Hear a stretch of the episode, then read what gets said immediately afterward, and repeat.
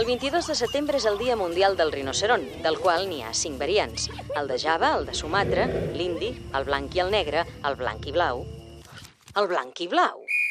Aquest dimarts descobrirem una nova espècie de rinoceront. El blanc i blau. Perquè l'Espanyol necessitarà tenir 11 rinocerons per batre un equip de Champions com el València.